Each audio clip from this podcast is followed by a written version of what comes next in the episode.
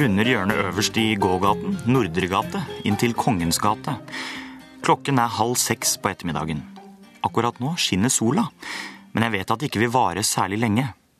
Sola ofrer ikke mange strålene på denne provinsbyen midt i landet vårt. Jeg runder hjørnet og kommer inn til Kongens gate, mens jeg sipper til den doble cortadoen i papp jeg kjøpte på Dromedar kaffebar. Denne kaffekjeden som virker suveren og uten nevneverdig konkurranse i byen. Det virker som alle kjøper kaffen sin der. Alle de unge, kule studentene og livsnyterne i 20-åra i hvert fall. Da gjør jeg også det. Selv om jeg har bikka 30. Jeg runder hjørnet inn til Kongens gate mens jeg sipper til den doble cortadoen i papp og nyter de eksklusive solstrålene som varmer ansiktet mitt. Det er mandag. Det kunne egentlig vært en hvilken som helst dag, bortsett fra søndag som er fridag, men en hvilken som helst annen dag i uken, for jeg runder alltid hjørnet øverst i Nordre gate med en dobbel cortado i hånda klokken halv seks på ettermiddagen, men i dag er det mandag. Det merker jeg meg fordi sola skinner på ansiktet mitt. Ellers er alt som det pleier å være. Fra Kongens gate strener jeg over byens torv, passerer den 18 meter høye statuen av vikingkongen byens befolkning er så glad i, går tvers gjennom byens store kjøpesenter, krysser gaten, Prinsens gate, uten å vente på grønt lys. Som vanlig, det blir jo aldri grønt lys i denne provinsbyen. Da jeg har kommet meg over veien, gjenstår det bare noen få trappetrinn opp til døren og inn til målet, men jeg stopper alltid opp her i en ti sekunders tid, ikke fordi jeg vil, men fordi kroppen begynner å stritte imot. Denne spenningen øker alltid i intensitet når jeg har krysset Prinsens gate og bare har noen få trappetrinn igjen før jeg har kommet fram til målet. Klokken er ti over halv seks. Det er én time og 20 minutter til det braker løs. Jeg har greid å holde kroppen i sjakk i hele dag, slik jeg holder den i sjakk hver dag, bortsett fra søndag, som er fridag. Da driter jeg i det, men alle andre dager må kroppen holdes i sjakk. Jeg lurer kroppen med mitt rutinemessige liv, inntil klokken slår ti over halv seks. Kroppen vet nemlig at det braker løs om en time og 20 minutter. Disse siste 80 minuttene stritter kroppen imot. Det er meg mot kroppen men klokken syv hver bidige kveld står jeg på scenen på teatret i denne provinsbyen midt i landet vårt. Kroppen ønsker ikke å utsette seg for den påkjenning det er å stå på scenen hver bidige kveld. Det er en evig kamp. Men jeg vinner mot kroppen hver eneste gang. Viljen er sterkere enn kroppen. Bortsett fra på søndager, da er jeg fri og lar kroppen bestemme. Jeg heter Espen Klaumann Høyner. Du hører på Sommer i P2, og jeg er skuespiller. Og nettopp det, altså det å være skuespiller, det å stå på en teaterscene og insistere på å formidle noe man mener er relevant, og prøve å si noe som er ekte og, sant gjennom iscenesettelse, gjennom fiksjon, er noe jeg kunne tenke meg å snakke om i løpet av denne lille timen jeg har til rådighet. Det er kanskje noe smalt, men er det et sted det er rom for slikt, så må det vel være her i kulturkanalen P2. Hvorfor og hvordan i all verden gikk det seg til at jeg ble skuespiller? I retrospektiv så finner jeg ingen åpenbare, eller hva man kan kalle definerte hendelser i løpet av mitt 30-årige liv som skulle tilsi at det var skuespiller jeg bare måtte bli. Jeg har heller ingen skuespillere i nær familie eller i fjern slekt for øvrig, så jeg kan ikke skylde på noen form for arvelig belastning. Jeg har i løpet av min oppvekst, etter hva jeg kan huske, aldri fått noen som helst bekreftelse, verken av meg selv eller av utenforstående, på at entertainerrollen skulle ligge for meg. Tvert imot, vil jeg nesten si. Jeg var nemlig fra naturens side utstyrt med elendig fotarbeid grunnet skjev beinstilling, og en svært hes og rar og pussig stemme, trolig forårsaket av det man på fagspråket kaller for tungrotspenninger i halsen. I det hele tatt, de fysiske og fysiologiske forutsetningene for scenisk artisteri glimret med sitt fravær. Men var jeg kanskje likevel et av disse barna som ikke fullt ut forsto sine egne begrensninger, og som talentfull eller ei, bare peisa på elsket å opptre foran et publikum, som koste seg i rampelyset med glansnummeret Et barn er født i Betlehem, når nissen kom på besøk på julekvelden og avkrevde sangprestasjoner fra små barn i bytte mot gaver. Nei, jeg var på ingen måte et slikt barn. Jeg var et stille og forsagt barn med sviktende selvtillit. Selv den dag i dag, etter fire år på Teaterhøgskolen, er jeg dessverre nødt til å innse at jeg ikke besitter noen av disse ekstreme ferdighetene som man vanligvis forbinder med skuespilleren. Men likevel så er det skuespiller jeg har blitt. Ja, jeg er nesten overbevist om at jeg er skuespiller på tross av alt dette. Jeg er skuespiller på grunn av mine mangler. Jeg har en skjør kropp som huser et kanskje enda skjørere sinn, og det har jeg valgt å bruke for det det er verdt. Det er mine personlige svakheter som utgjør mine profesjonelle styrker. Det er i hvert fall noe. Hva er det man ønsker å oppleve når man ser teater? Hva er det skuespilleren ønsker å oppleve når han eller hun spiller teater? Hvilken funksjon har skuespilleren? Hvilken funksjon har teatret? Dette er eh, grunnleggende, kanskje litt banale, men også veldig store spørsmål jeg grunner mye over. Og de gangene jeg drister meg til å forsøke å artikulere noen svar på disse spørsmålene, ender det som regel med noen litt vage, ganske pretensiøse og ganske kleine formuleringer som egentlig ikke tåler dagens lys. Men hvis jeg finner en annen form som spørsmålene kan trives i, som for eksempel i litteraturen, hvis jeg skaper et eget litterært univers, kanskje det ikke blir så flaut og grunt? Jeg har eh, gjort et litterært forsøk. En novelle jeg har valgt å kalle Fortellingen om Erling K. Hansen, skuespilleren som berørte sitt publikum. Det er forfatteren selv som leser, etter denne lille perlen fra Nina Simone. Du hører på Sommer i P2. Mitt navn er Espen Klaumann Høyner. Fredag den 13. mai 2012 sto som en merkedag for skuespillerstudenten Erling K. Hansen. Han vil nok argumentere for at det ikke bare var en merkedag for ham selv, men også for den høyt aktede skolen som hadde vært en så altomfattende del av hans liv de siste fire årene, nemlig Statens teaterhøgskole. Ja, Erling var overbevist om at denne fredag den 13. var en dag som ville markere et skille for den tradisjonsrike Teaterhøgskolens pedagogiske og kunstneriske tilnærming til teater som kunstart, og som i ytterste konsekvens sannsynligvis ville forandre det norske teateretablissement for alltid. Alt dette takket være det som ble omtalt som hendelsen denne fredag den 13. mai 2012, som tilfeldigvis var Erlings siste skoledag etter fire års studietilværelse, men som ikke like tilfeldig var en hendelse han selv hadde forårsaket. Hvis man skal kunne forstå hvorfor Erling mente at akkurat denne hendelsen gjorde sitt til at akkurat denne fredagen i mai kunne kalles en merkedag for norsk teater, blir man nødt til å gjøre seg kjent med hvilke omstendigheter og hva slags klima Erling befant seg i forut for denne skjebnesvangre datoen. I løpet av sine fire år som student ved Statens teaterhøgskole ble han allerede fra første stund ansett for å være en mønsterstudent. En hardt arbeidende ung mann som alltid kom forberedt til prøver, som pliktoppfyllende terpet tekst på egen hånd om kveldene, og som behandlet sine medstudenter med en beundringsverdig blanding av respektfull profesjonalitet og omsorgsfull medmenneskelighet. Slike kvaliteter var ikke alle skuespillerstudenter eller etablerte skuespillere for den sakens skyld forunt. Nei, Erling nøt anerkjennelse for sin høye arbeidsmoral og sin veldige sjenerøsitet overfor sine medspillere. For Erling omtalte konsekvent sine klassekamerater som sine medspillere, i motsetning til motspillere, som han fant svært misvisende. Teater er tross alt en kollektiv kunstart som vi bare kan skape med hverandre, kom det ofte fra Erling. Ja, det var flere utsagn av denne typen som ikke sjelden kom fra Erlings munn. Erling syntes det var viktig å påpeke og være bevisst det faktum at man jobbet sammen i teatret. Teatret var ikke en arena for selvhevdelse og solospill. Tvert imot, det var et sted hvor man ofret seg selv til fordel for noe større.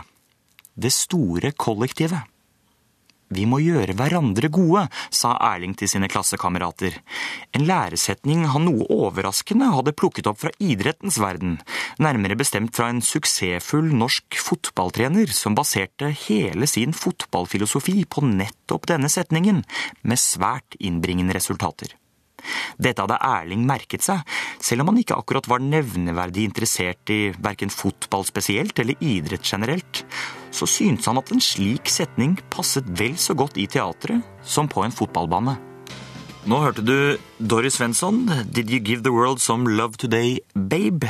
Jeg heter Espen Klaumann Høyner, og du hører på Sommer i P2. Erling K. Hansens prisverdige raushet og arbeidsdisiplin var, slik han selv så det, kun midler han tok i bruk for å oppnå det mål han satte høyest i teaterkunsten å berøre sitt publikum. Det var det teater handlet om, å berøre sitt publikum. Det var dette som drev ham, ja, det var blitt en besettelse for ham alle timene, dagene, ukene, månedene, ja årene med et ufravikelig fokus på skuespillerteknisk terping og øvelser i samhandling var det som måtte til for at Erling skulle oppnå dette edle målet, å berøre sitt publikum. Og Erling nådde sitt mål. I møte med sitt publikum var han en berøringens mester. Det oppsto noe helt spesielt, noe som vanskelig lar seg beskrive, mellom Erling og hans publikum når han sto der oppe på scenen og spilte ut sine roller, ut til alle dem som hadde løst billett og satt nede i salen og overvar det hele. Kveld etter kveld satt publikum der, trollbundet av Erlings evner til å berøre. Ikke et øye var tørt i salen etter at han hadde vært på scenen, ble det sagt. Aldri før hadde Statens teaterhøgskole opplevd så stor pågang til sine skoleforestillinger som til nettopp de Erling spilte i.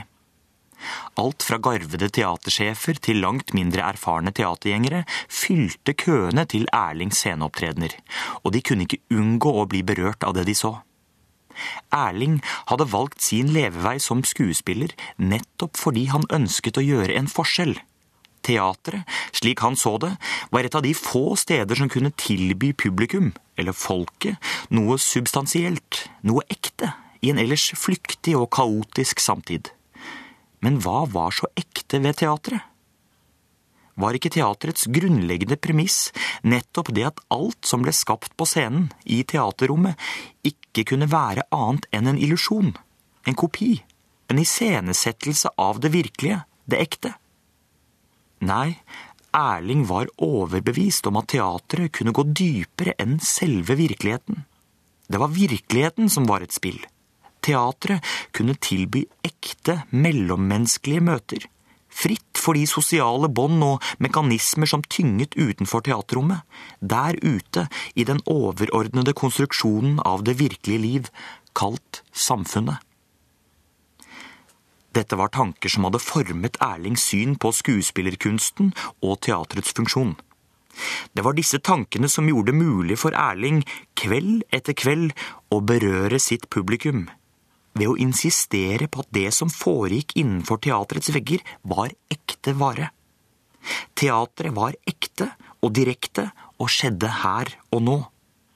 Det var disse tankene, jeg kaller det gjerne et slags mantra som lå til grunn for det som oppsto mellom Erling og hans publikum, som var vitne til hans ord og handlinger nede i salen. Et mantra. Ekte. Direkte. Her. Nå. Der hørte du Arja Sayonma, 'Jeg vil leve i Europa', en herlig låt.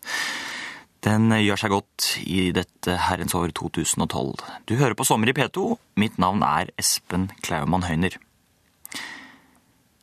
I lys av det som nå er kommet fram av Erling K. Hansens beveggrunner som skuespillerstudent ved Statens teaterhøgskole, er det vanskelig å forestille seg at han kunne være ansvarlig for det som skjedde fredag den 13. mai 2012, det som ble omtalt som hendelsen.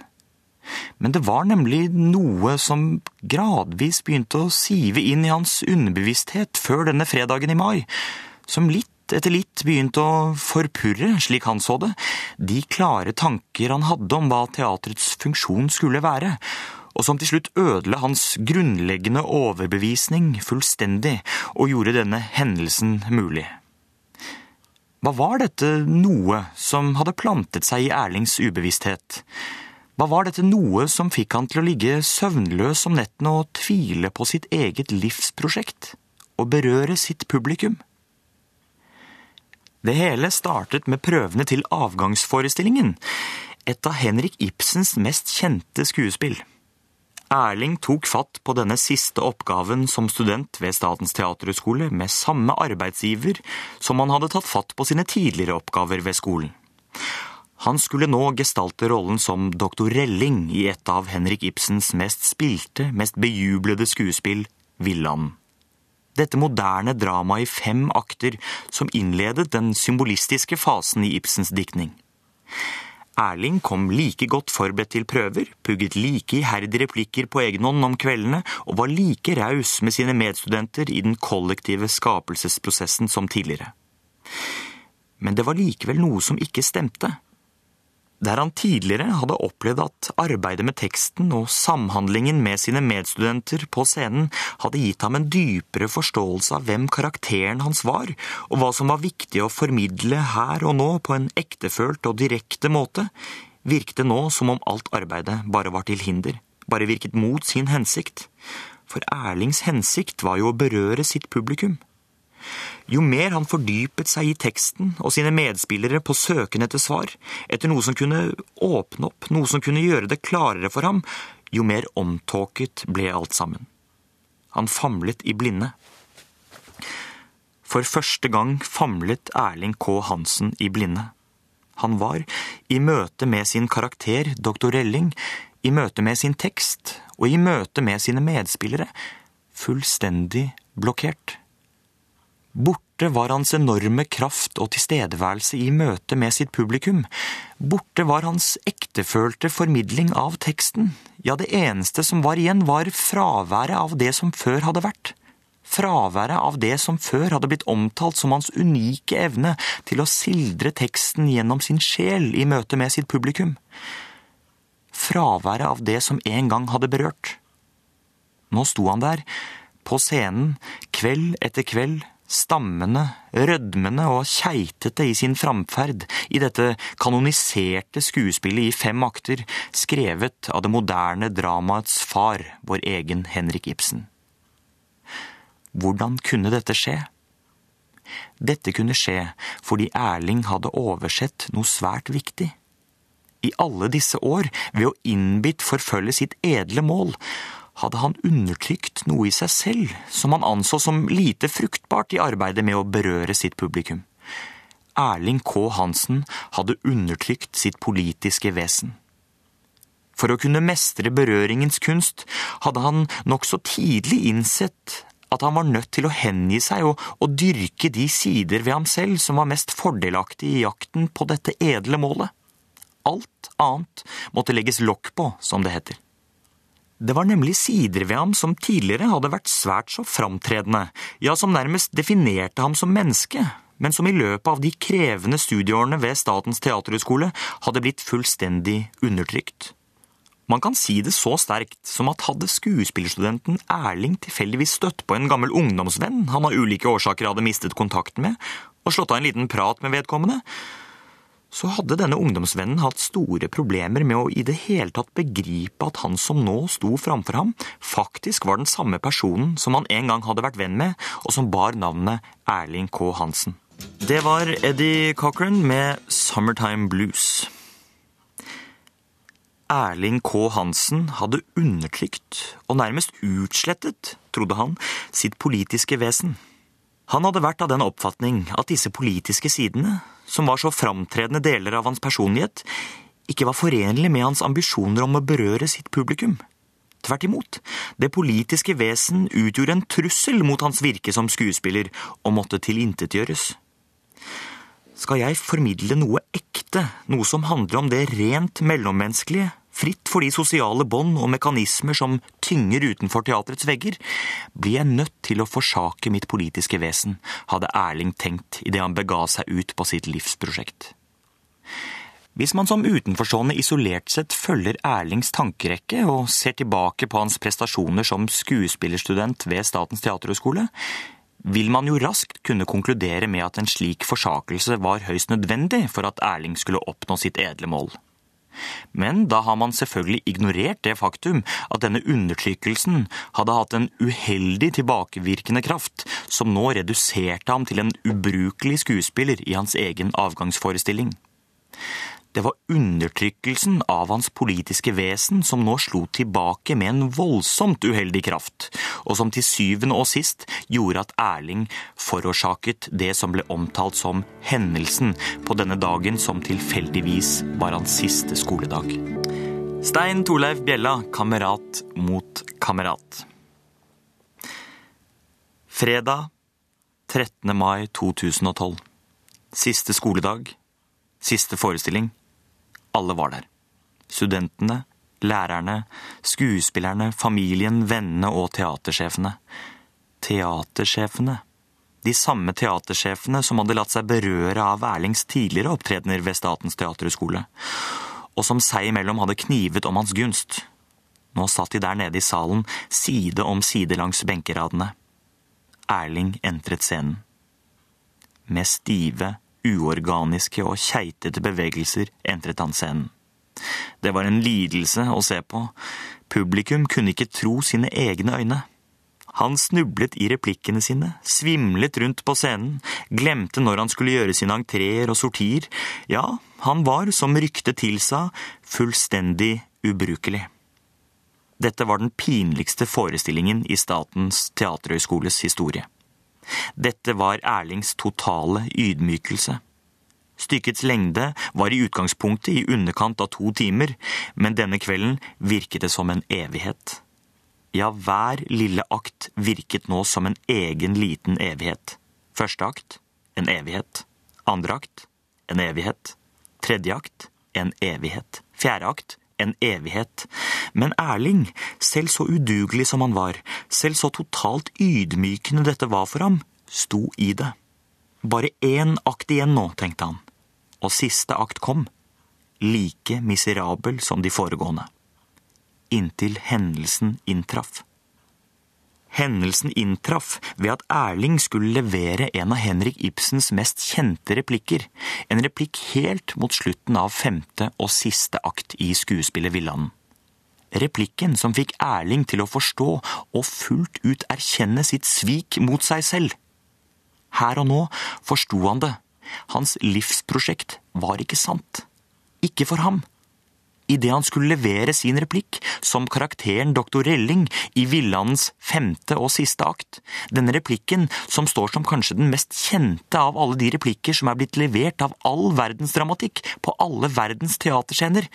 Ja, så kjent og så svær er denne replikken at det ville være overflødig og helt bortkastet å gjengi replikken i denne beretningen om Erling K. Hansen og hendelsen han forårsaket. Skulle det likevel være noen som helst tvil om hvilken replikk det her refereres til, er det altså replikken som kommer etter Gregers Wærles langt mindre kjente replikk. Doktor Elling, jeg gir meg ikke før jeg har reddet Hjalmar ut av deres klør. Det var her, i dette øyeblikk, at Erling forsto at hans livsprosjekt var en løgn. Et bedrag. Han hadde i sin higen etter å gjøre en forskjell vært utro mot seg selv. Ved å berøre sitt publikum, eller folket, hadde han tvinnet dem rundt sin lillefinger og manipulert dem. Ved å undergrave sitt politiske vesen hadde Erling ført sitt publikum bak lyset. Han hadde gitt sitt publikum en fluktmulighet fra virkeligheten. En mulighet til å avstå fra handling, fra aksjon. Han hadde kneblet dem med berøringens kunst. Lammet dem med tårer, med tårevåt sentimentalitet. Dette gikk nå opp for ham idet han sto her i det som var hans siste forestilling ved Statens teaterhøgskole, idet han skulle levere doktor Ellings største replikk. Men Erlings munn åpnet seg ikke. Han sto der oppe på scenen, målløs, og så ned på sitt publikum, ned på alle dem som satt nede i salen og hadde løst billett for å bivåne hans kunster, eller hans ydmykelse, alt ettersom. I dette spesielle møtet var det ingen tårer å spore. I dette møtet, som omtales som hendelsen, skjedde noe svært forunderlig. Erlings kropp kollapset.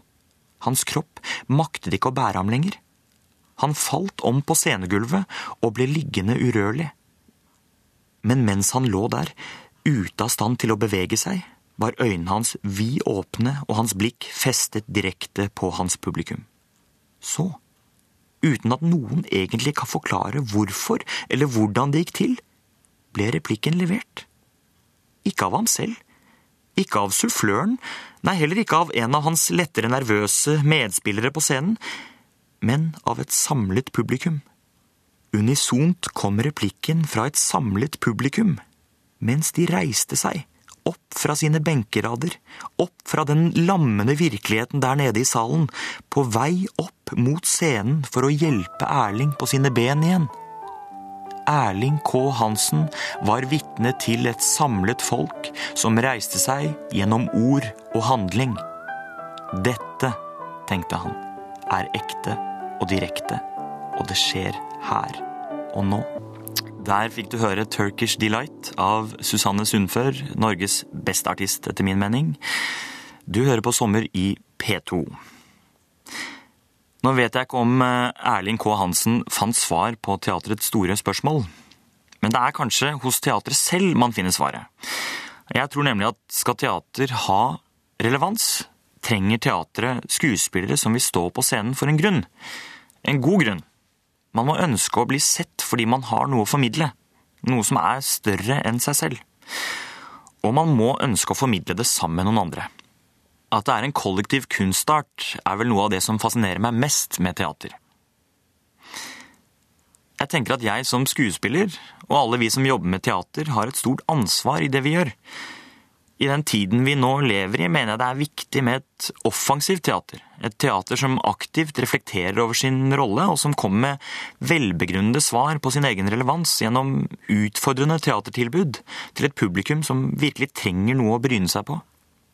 Det skjer ting, store ting, i vårt lille land og i Europa og verden for øvrig, og i en slik tid så har teater et viktig ansvar.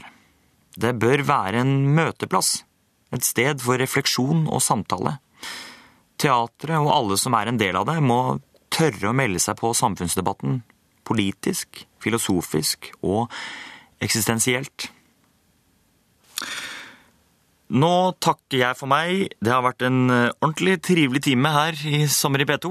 Jeg takker for meg med Gustav Mahler. God sommer.